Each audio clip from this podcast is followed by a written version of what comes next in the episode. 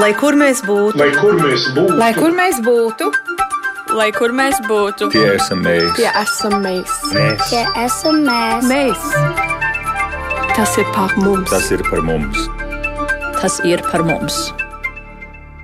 Sveiciens klausītājiem un skatītājiem, jo šodien mēs esam atstājuši Latvijas Radio 1 multimediju studiju, un tie, kuri skatās mūs, ļoti labi redz, ka mēs neesam Doma laukumā astoņi, jo raidījuma globālais latvietis 21. gadsimts komanda, izlīkumojot pa Čiekurkalnu, ir atbraukusi ciemos pie Baibas Alises Vītoliņas. Sveicināti, Baiba! Labvakar! Sveiciens ir raidījumā Globālais Latvijas 21. gadsimts. Mēs esam ciemos pie grāmatu izdevējas, arī grāmatu autores un trimdas arhīvu apzinātājas. Un šodien mums, es kaut ko nepareizi Daļēji, daļēji. Es Tikai gribētu. Andra Vītoliņa arhīvu galvenokārt. Jā, bet tā jau ir tā milzu vērtība. Un Vaiba jau pati piemin, mēs šodien šīs, šī raidījuma laikā arī runāsim gan par jūsu vīru, Andri Vītoliņu, kuru uh, sauc par fantastisku cilvēku latviešu kopienā trimdā. Protams, mēs runāsim Baiba arī par jums pašu. Man pašai nav tik svarīgi. Da- Tas, ko saprotu, Andrs bet darīja, tas tu- bija tas jā, bet, vērtīgākais. Ziniet, kā tas eh, vecais labais teiciens, ka aizvien katra stipra vīrieša stāv viena sieviete, kur viņam ļauj tos visus lielos darbus darīt, tas arī ir nenoliedzami. Tāpēc gan jau, ka mēs arī drusciņi par jums parunāsim. Un, protams, ka mēs runāsim arī neizbēgami par to, par ko mēs šai redzījumā esam reiz vien runājuši par trimdas vēsturisko liecību apzināšanu un glabāšanu, cik tas ir vērtīgi gan skatoties uz pagātni, gan uh, pilnīgi iespējams, un varbūt pat vairāk skatoties uz mūsu pašu nākotni. Bet nu, tad jāsāk ar jūsu vīru, jo jūs sakāt, ka par jūsu vīru ir jārunā vairāk nekā par jums. Tad Baibas uh, Alises vīrs, trimdas kultūras un sabiedriskās dzīves dvēseli komponists, eh, cilvēks, kurš eh, savulaik ir veicinājis arī jaunu mūziķu paudzes eh, izaugšanu trimdā. Nu, tas ir tas, ko mēs varam lasot un, un tā rūpīgi meklējot, uzzināt par jūsu vīru, bet kāds tad bija jūsu vīrs jūsu acu acīm redzēts? Pirmā uzmetienā bija klikšs, un ar to, to tā lieta bija darīta. Viņš bija manā uztverē viens īsts kristietis. Viņš grūdzieniem un viss.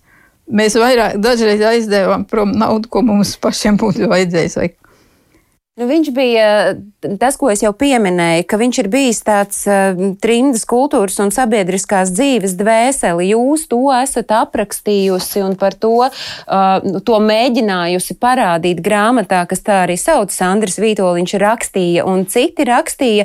Un tiem, kuri šo grāmatu pārlapo, nākas secināt, ka jūsu vīrs Andris Vītoliņš savulaik rosoties no ar visu sirdi un dvēseli tajā latviešu sabiedrībā. Un tas, ko jūs esat apkopojusi grāmatā, ļauj mums redzēt, kāda savulaik bija trimdas sabiedrība. Kādu jūs to atceraties? Kādi jūs bijāt latvieši, kas dzīvoja trimdā? Mēs bijām ļoti aktīvi visādu sarīkojumu rīkošanā, teātris spēlē, bērnu uz skoliņā arī teātris uzvedumi bija. Vienā pat aizdegās meitiņai mati, ka viņa eņģelīti spēlē vai, tu- vai aitīņa, kas tur bija. Kāpēc jūs to darījāt? Kāpēc mēs darījām? Tāpēc, ka mēs jūtām tādu vajadzību atbrīvot Latviju, pirms mēs paši varam dancot. Jo e, nevar domāt par saviem e, radiem un visādiem cilvēkiem Latvijā, kultūras darbiniekiem, visiem. Ja tu neesi e, kaut ko darījis viņa labā, lai pasauli neaizmirstu, ka tāda tauta ir, ka tādi cilvēki ir un ka viņi ir rosīgi. Bet tajā laikā dzīvojot eh, svešumā, tad, kad jūs, nu, nezinu, tur ikdienā spēlējāt teātri, vai jūsu vīrs komponēja, vai kā jūs grāmatā, jūsu grāmatā var lasīt, ka savāca uz dīvāna sasēdināja 15-gadīgus bērnus, jauniešus un, un e, rīkoja viņiem kora mēģinājumus. Vai tajā brīdī jūs domājāt par to, ka tas ir jāsaglabā, ka tas ir kaut kas svarīgi, vai tā bija tāda vienkārši iekšēji nepieciešamība? Tā bija daļa no jaunatnes audzināšanas. Jo gribējās, lai šie jaunieši izaug par latviešiem, kas mums tur bija. Mums bija ļoti maz Stokholmā faktiski. Eh, jauni cilvēki tādi. Bet bija skoliņā kaut kad starp 60 un 80 kā kuru reizi.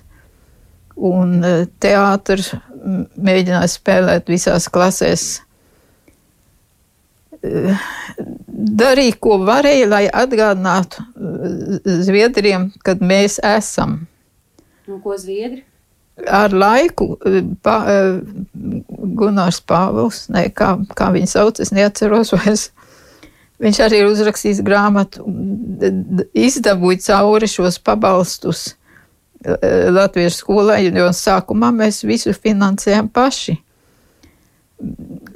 Un eh, tad dabūja grantu teātru uzvedumiem, skorim un visādām citādām lietiņām. Tā kā viņš, šis cilvēks arī ir pieminams kaut, kād, kaut kur kādos rakstos, jo eh, Gunārs Pāvils, man liekas, viņš bija. Bet runājot par tiem rakstiem, jūs esat ļoti rūpīgi nu, gan, gan krājusi, gan kopā likusi. Kurā brīdī jūs sapratāt, ka viss, kas notiek jums apkārt, ka tam kaut kādā brīdī būs milzu vērta? Tā nebija es, tas bija Andris. Pirms mēs apprecējāmies, mūsu dzīvoklim e, Stokholmā uz bēniņiem bija liela kaste pilna ar trimdas avīzēm un visādām. Un e, tad, kad e, varēja sākt sūtīt uz Latviju, tad mēs diezgan daudz atsūtījām. Andris glabāja visu, ko, un viss, katra jauna avīze ielika savā jaunā kat, nu, kaudzītē un eh, arhīvā. Kaut mēs tam klāt katru dienu netikām, jo tās kastes bija smagas. Mēs centāmies saglabāt kultūru, vēsturisks raksts un tam līdzīgas lietas, lai cilvēkiem būtu, kur smelties, ko mēs esam darījuši. Nu, jūs tā pavisam eh, kautrīgi ieskicējāt, eh, ko jūsu vīrs darīja. Jūs varat atklāt, eh, nu, kā, kā viņš vadīja savu, savu ikdienu, savu dzīvi, dzīvojot trimdā, dzīvojot Zviedrijā. Viss bija veltīts um, latvietībai, latvietības veicināšanai. Gan skolā, gan teātris spēlējot skolā, Un sākuma jaunatnes koris bija tikai kāda astoņi cilvēki. Četri sākumā, divi instrumenti, Pāvils Johansons un eh, aizmirst, kas tas otrs bija. Un uh, dziedātāji tāds mini kors, pat pa koru nevarēja savu kādas. Ansambls. Ansambls, jā. Tie bija tas sākums, tad, kad Andris beidza gimnāziju un uh, sāka iet uh, uh, latviešu skolā par audzinātāju, par skol, uh, pasniedzēju mūzikā un korītī. Un tas ir būtībā sākums korītim, kad Andris beidz gimnāziju, kad viņš varēja atlicināt laiku, lai uh, darbotos ar jauniešiem. Un sākumā bija daži Stokholmā, kas domāja, ka tas tagad runa par dziesmu svētkiem 64. gadā. Pirmie Eiropas latviešu dziesmu svētki. Eh, Andris bija uzstājies ar to korīti Stokholmā dažādos sarīkojumos, un uh, viņš gribēja ar viņu braukt pa visu cenu uz Minsteru, uz pirmiem latviešu dziesmu svētkiem Eiropā. Un tad bija kādi, kas mm, teica, nē, tādu kori, nu nekas, tur nekas nav, tur nevar braukt. Bet tad kāds eh, kultūra darbinieks bija diezgan gudrs un eh, aizsūtījis spiegu uz mēģinājumu. Un atbrauc, teica, jā, to mēs laižam klāt. Un pēc tam bija cilvēki, kuri man nāca klāt vēlākos gados, jau ka vairāk bija notikuši koncerti. Dziesmu svētku jaunatnes rīts, tas skaitījās. Nāca klāt un teica, ka viņi braucot uz dziesmu svētkiem tikai lai noklausītos Andra Vītoliņa orķestru un kori. Bet kā viņam tas izdevās ar to savu? Uh... Ar savu neatlaidību, ar sievas viesmaizēm. ar, galvenais ir neatlaidība. Viņš braukāja apkārt pa visu Eiropu, apmācīja mazās grupiņās, divas, trīs, kur tikai varēja dabūt kādu dziedātāju vai spēlētāju. To uzreiz orķestrī iekšā pierakst viņam spē, viņa spējām notis jo ne jau viss bija lī, vienā līmenī. Nu, tieši tā. Tagad mēs skatāmies uh, uz, uz bija plānots, ka notiks šogad skolēnu dziesmu un dēļu svētki, skolu jaunatnes dziesmu un dēļu svētki šeit Latvijā, un tad arī diasporas pārstāvji gatavojās, un, piemēram, Norvēģijā koris viņi tur zūmos un visādi citādi sazinās un mēģina attālināti, bet tais laikos tas nebija iespējams. Nē. Tas nozīmē, ka Andris brauca pie katra, kurš māk dziedāt un mēģināja viņu uzpravīt, lai viņš varētu tai korī Jā. piedalīties? Jā, viņš brauca pie pārgulēja pie cil, to bērnu mātēm, māc ģimenēs, kur e, tie bērni bija, un viņš bija ļoti daudz prom, un līdz ar to netik, netik bagāts. Bet tā bagātība ir tas, kas ir palicis aiz viņu. Tas ja mēs skatāmies, ir vērtīgāk nekā tā, tie daži graši, ko viņš būtu nopelnījis strādājot vairāk. Bet nu, viens ir šī, šī kultūras dzīve, sabiedriskā dzīve. Es saprotu, ka Andris Vītoliņš ir savu laiku bijis arī tāds, kurš, nu, muti neturciet, īpaši iestāsts ir par, nu, piemēram, arī par trimdas iekšpolitiku. Viņu pat dēvē par trimdas iekšpolitikas soģi, nu, ka viņš Jā, norādīja. Viņš uz... bija ļoti kritisks, viņš gribēja kvalitāti visā, ko darīja dzinējspēks viņš bija. Bet, ja ir jāskatās uz tām savukārt politiskajām norisēm, tur arī viņš bija ar tādu stingru nostāju Jā. un kaut kādu tur tādu ļodzīšanos arī tajā latvietībā nepieļauj. Viņš ne jau visi gribēja palikt latvieši. Viņš sāka jau darboties politikā, tik līdz beidza ģimnāziju un varbūt vēl pir, par viņu pirmo rakstu es uzskatu Rovera dieva dienas grāmatu, kad tur pēc tam sākās viņa rakstība, ka viņš piedalījās visur un rakstīja. Viņš bija, gribēja ļoti iz, izglītot latviešu mūzikā. Un tas nebija tik vienkārši, jo ne jau visi bija mūziķi, kas tur aizbrauca. Es atgādinu skatītājiem un klausītājiem, ka mēs šodien esam ciemos pie Baibas Alises Vītoliņas grāmatu izdevējas, grāmatu autoris un arī trimdas arhīva apzinātājs, mēs runājām par Baibas vīru Andri Vītoliņu, kurš ir bijis Baibas vārtiem runājot tāds trimdas latviešu dzinējs spēks. Savukārt Baiba, jūs pati arī dzimusi Latvijā, tad pārts ar pārbēguši uz Vāciju, pēc tam nonākusi Lielbritānijā, tad nonākusi Zviedrijā. Un, uh, skatoties uz to, gan jūsu, gan jūsu vīra, gan vispār trimdinieku tādu dzīves ritējumu, man pēkšņi salikās, ka nu, saslēdzās, ka tas, ko mēs tagad arī raidījumā runājam, ka redz, kā latvieši brauc no, no vienas valsts uz otru, pārceļas un, un, un dzīvo visā Eiropā, visā plašajā pasaulē. Jūsu jaunība, arī brieduma gadi tieši tā arī pagāja, ka jūs nu, no vienas valsts uz citu pārcelties.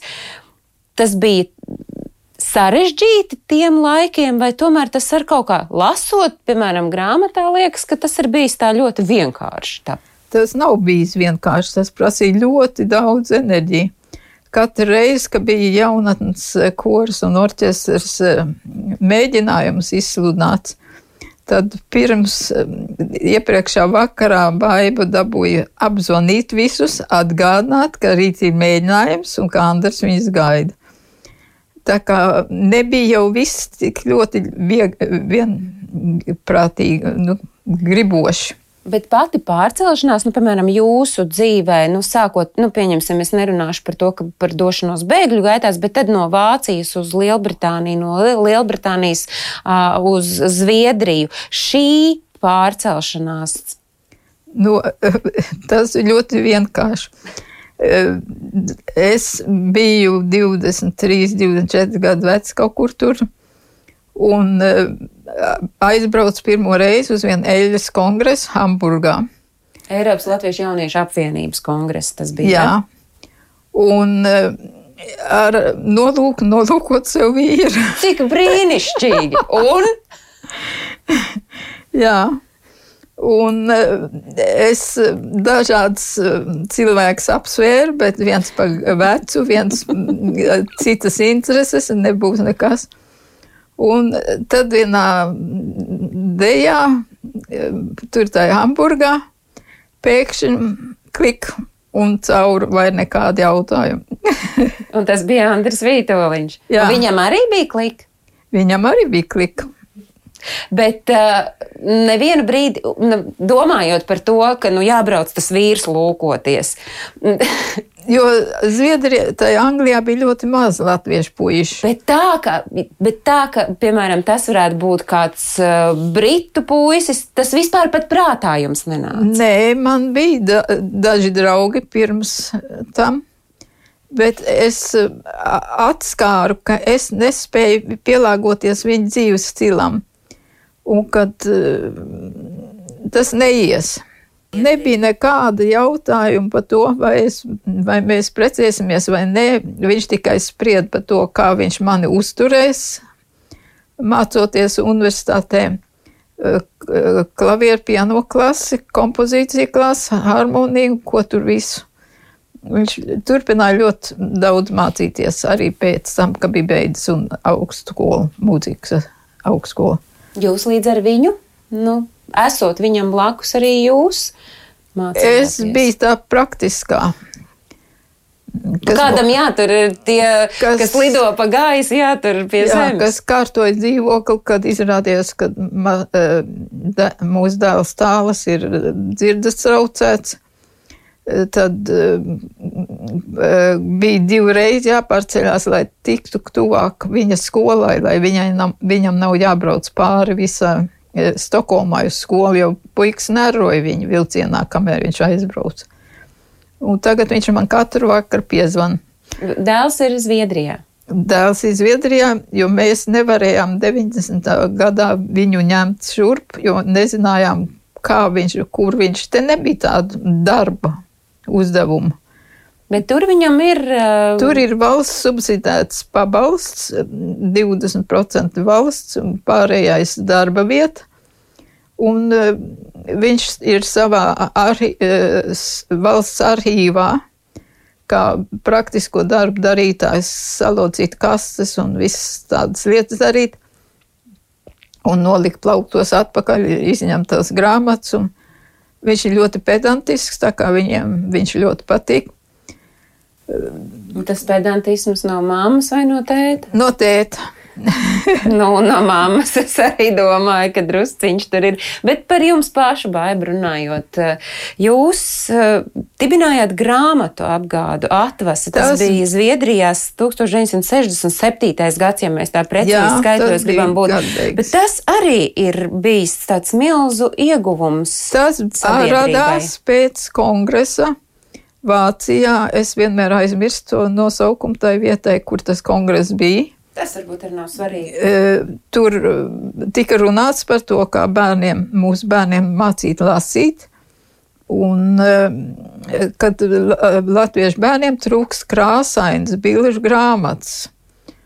Un mēs tur diskutējām, runājām, mājās braucot.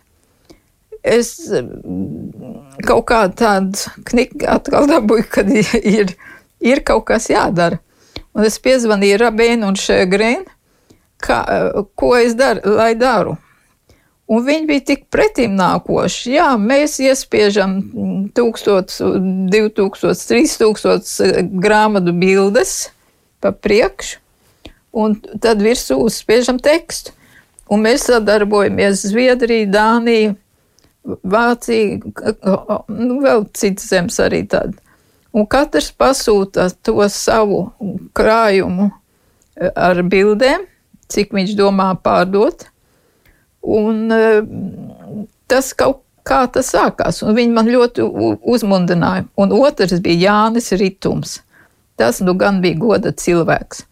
Viņš vekseli man iedeva par 15,000 bez nekādas garantijas. Man taču nebija naudas. Mūziķis ievai naudu. Nu tā, tā tāda lieta, kas neeksistē. Tāpēc es brīnos, kā jums izdevās, jo grāmatu apgāds, nu, tas tomēr izklausās nopietni, un tas arī bija nopietni. Bija nopietni. Man vēl šodien cilvēki prasa jēkap un jokiem grāmatu, viņiem ļoti tā patika. Bet tie bija tulkojumi, bet tas nekas, tas bija valodas dēļ. Jo mēs tulkojām e, zviedru un citu grāmatas, ko tajā brīdī izdeva un pievienojamies viņu bildēm. Ka jūs ne tikai bijāt grāmatu izdevēja, nu, tāda, kas arī tādā brīdī, kad izskatās, ka neko nevar izdarīt, izdara un izdod grāmatas, bet jūs arī pat esat rakstījusi.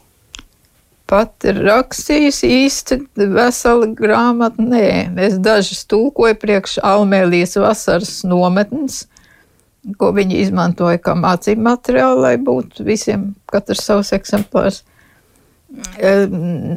Rakstīs, es esmu tikai preses raksts, es tāds preses rakstnieks, ja varētu skaitīties. Par ko jūs rakstījāt un kas bija tas, kas, kas, kas mudināja jūs rakstīt? Mudināja rakstīt tas, lai uzmudinātu jauniešus nākt uz koru, uz, uz deju grupu, uzbraukt uz eh, dziesmu svētkiem. Tas bija tāds eh, mudinātāji eh, gājiens tikai. Neko tādu patstāvīgu es neesmu rakstījis. Sastādījis šo grāmatu par trimdas jaunatnes vēsturi. Būtībā viss, vis, kas notikās jaunatnes aprindās, tur arī Andrs bija klāts. Tā kā līdz ar to tā ir sava veida vēstures atreferējums. Jā, nu tā ir tāda tiešām, man liekas, ļoti būtiska, ja mēs runājam, tā ir, tā ir šī grāmata. Man liekas, ka tā patiešām ir tāda būtiska tā laika elpas sajaušana. Nu tā, ka lasot pāršķirstot to grāmatu, tur arī saproti, aha, bija šī tā. Nu, tas, tas iedod to, to sajūtu, un tāpat laikā, piemēram, es tur izlasu tādu, tādu teikumu, ka trimdas tā laika trimdas eh, liela daļa sabiedrības dzīvoja eh, nu, vienam mūžam, nu, nedomājot jā, tālāk par, jā. par savu mūžu. Bet eh, skatoties uz šo brīdi, uz, uz šo situāciju, kādā ir diaspora, kā jums liekas, ir mainījies šobrīd tie latvieši, kas nedzīvo Latvijā, viņi domā tālāk par savu mūžu? Vai tomēr viņi paliek? domā ļoti, tagad viņi apvainosies visi Viņi ļoti domā par savu ekonomisko labklājību, kas ir ļoti saprotams, bet tas aizņem laiku no garīgā darba. Es nedrīkst izteikties par to, kā Zviedrijā vai Stokholmā vai nu, kaut kur tur visur, kā jūs sakat, diaspora, kas ir galīgi muļķīgs vārds. Jā, viņš ir tāds, mēs esam vairāk par to diskutējuši, bet nekā labāka nav izdomāts. Varbūt jums ir ideja kādam mm, labākam. Tā momentā nav. Vai ne? Nē, esmu domājis, krustmāt būtu. bet varbūt ir vērts domāt. Nē, vēl ir viena epizode manā dzīvē, kas ir diezgan smaga. Tā ir trīs dienas čekā. 83. gada janvārīs kopā ar Valentīnu Lasmani Mēs um, tiekam aizturētas. Trīs dienas es um, esmu um, nestūra mājā, bet pie saviem radiem, ar milici pie ārdurvīm, milici aiz stūra, kas vaktēja mani, lai es neaizbēgu. Šitais nav plaši zināms. To, ir raksts par to e, tā laika avīzēs, bet ne, ne šitā. Nu, kā, kā jūs pēc tam trim dienām, uz kādiem noteikumiem vai kāpēc viņi jūs palaida, saprat, ka jūs neesat kaitniece? Nē, es esmu joprojām čekas sarakstījusi kā kaitniece mhm. čekistiem. Tā kā es tur nekā nevaru izdarīt. es esmu viss sirsnīgākā latvieta, un man viss ar Latviju ir svarīgākais.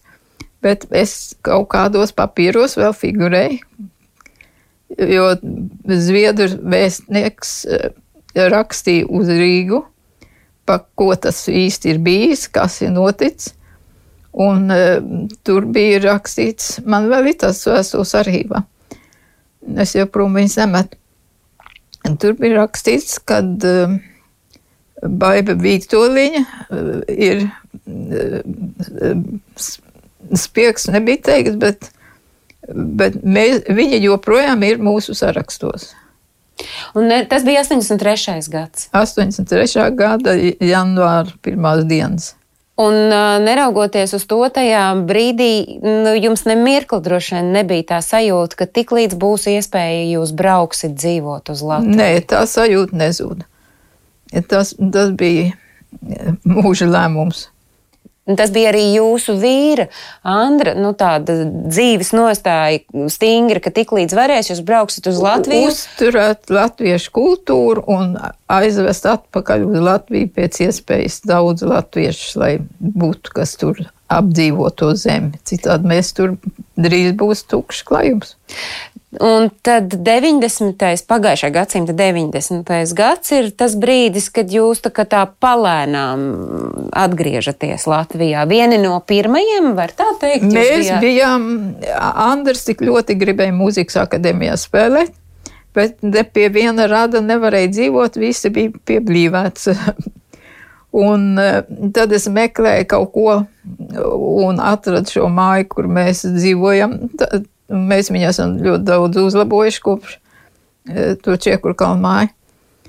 Un e, tad viņš vienu laiku dabūja dzīvot viens pats tur. Mēs braucām, cik bieži varējām, un kurināta malku krāsa, nabagandars. E, un tad viņš dabūja lekcijas mūzikas akadēmijā Viņš dabūja tur priekšmets, reliģiskos priekšmets iekšā, korāļus un visas tādas lietas, kas agrāk nebija atļauts. E, t tas bija viņa pievedums, bet, diemžēl, to audzēkņu, kas to mācījās, bija ļoti maz.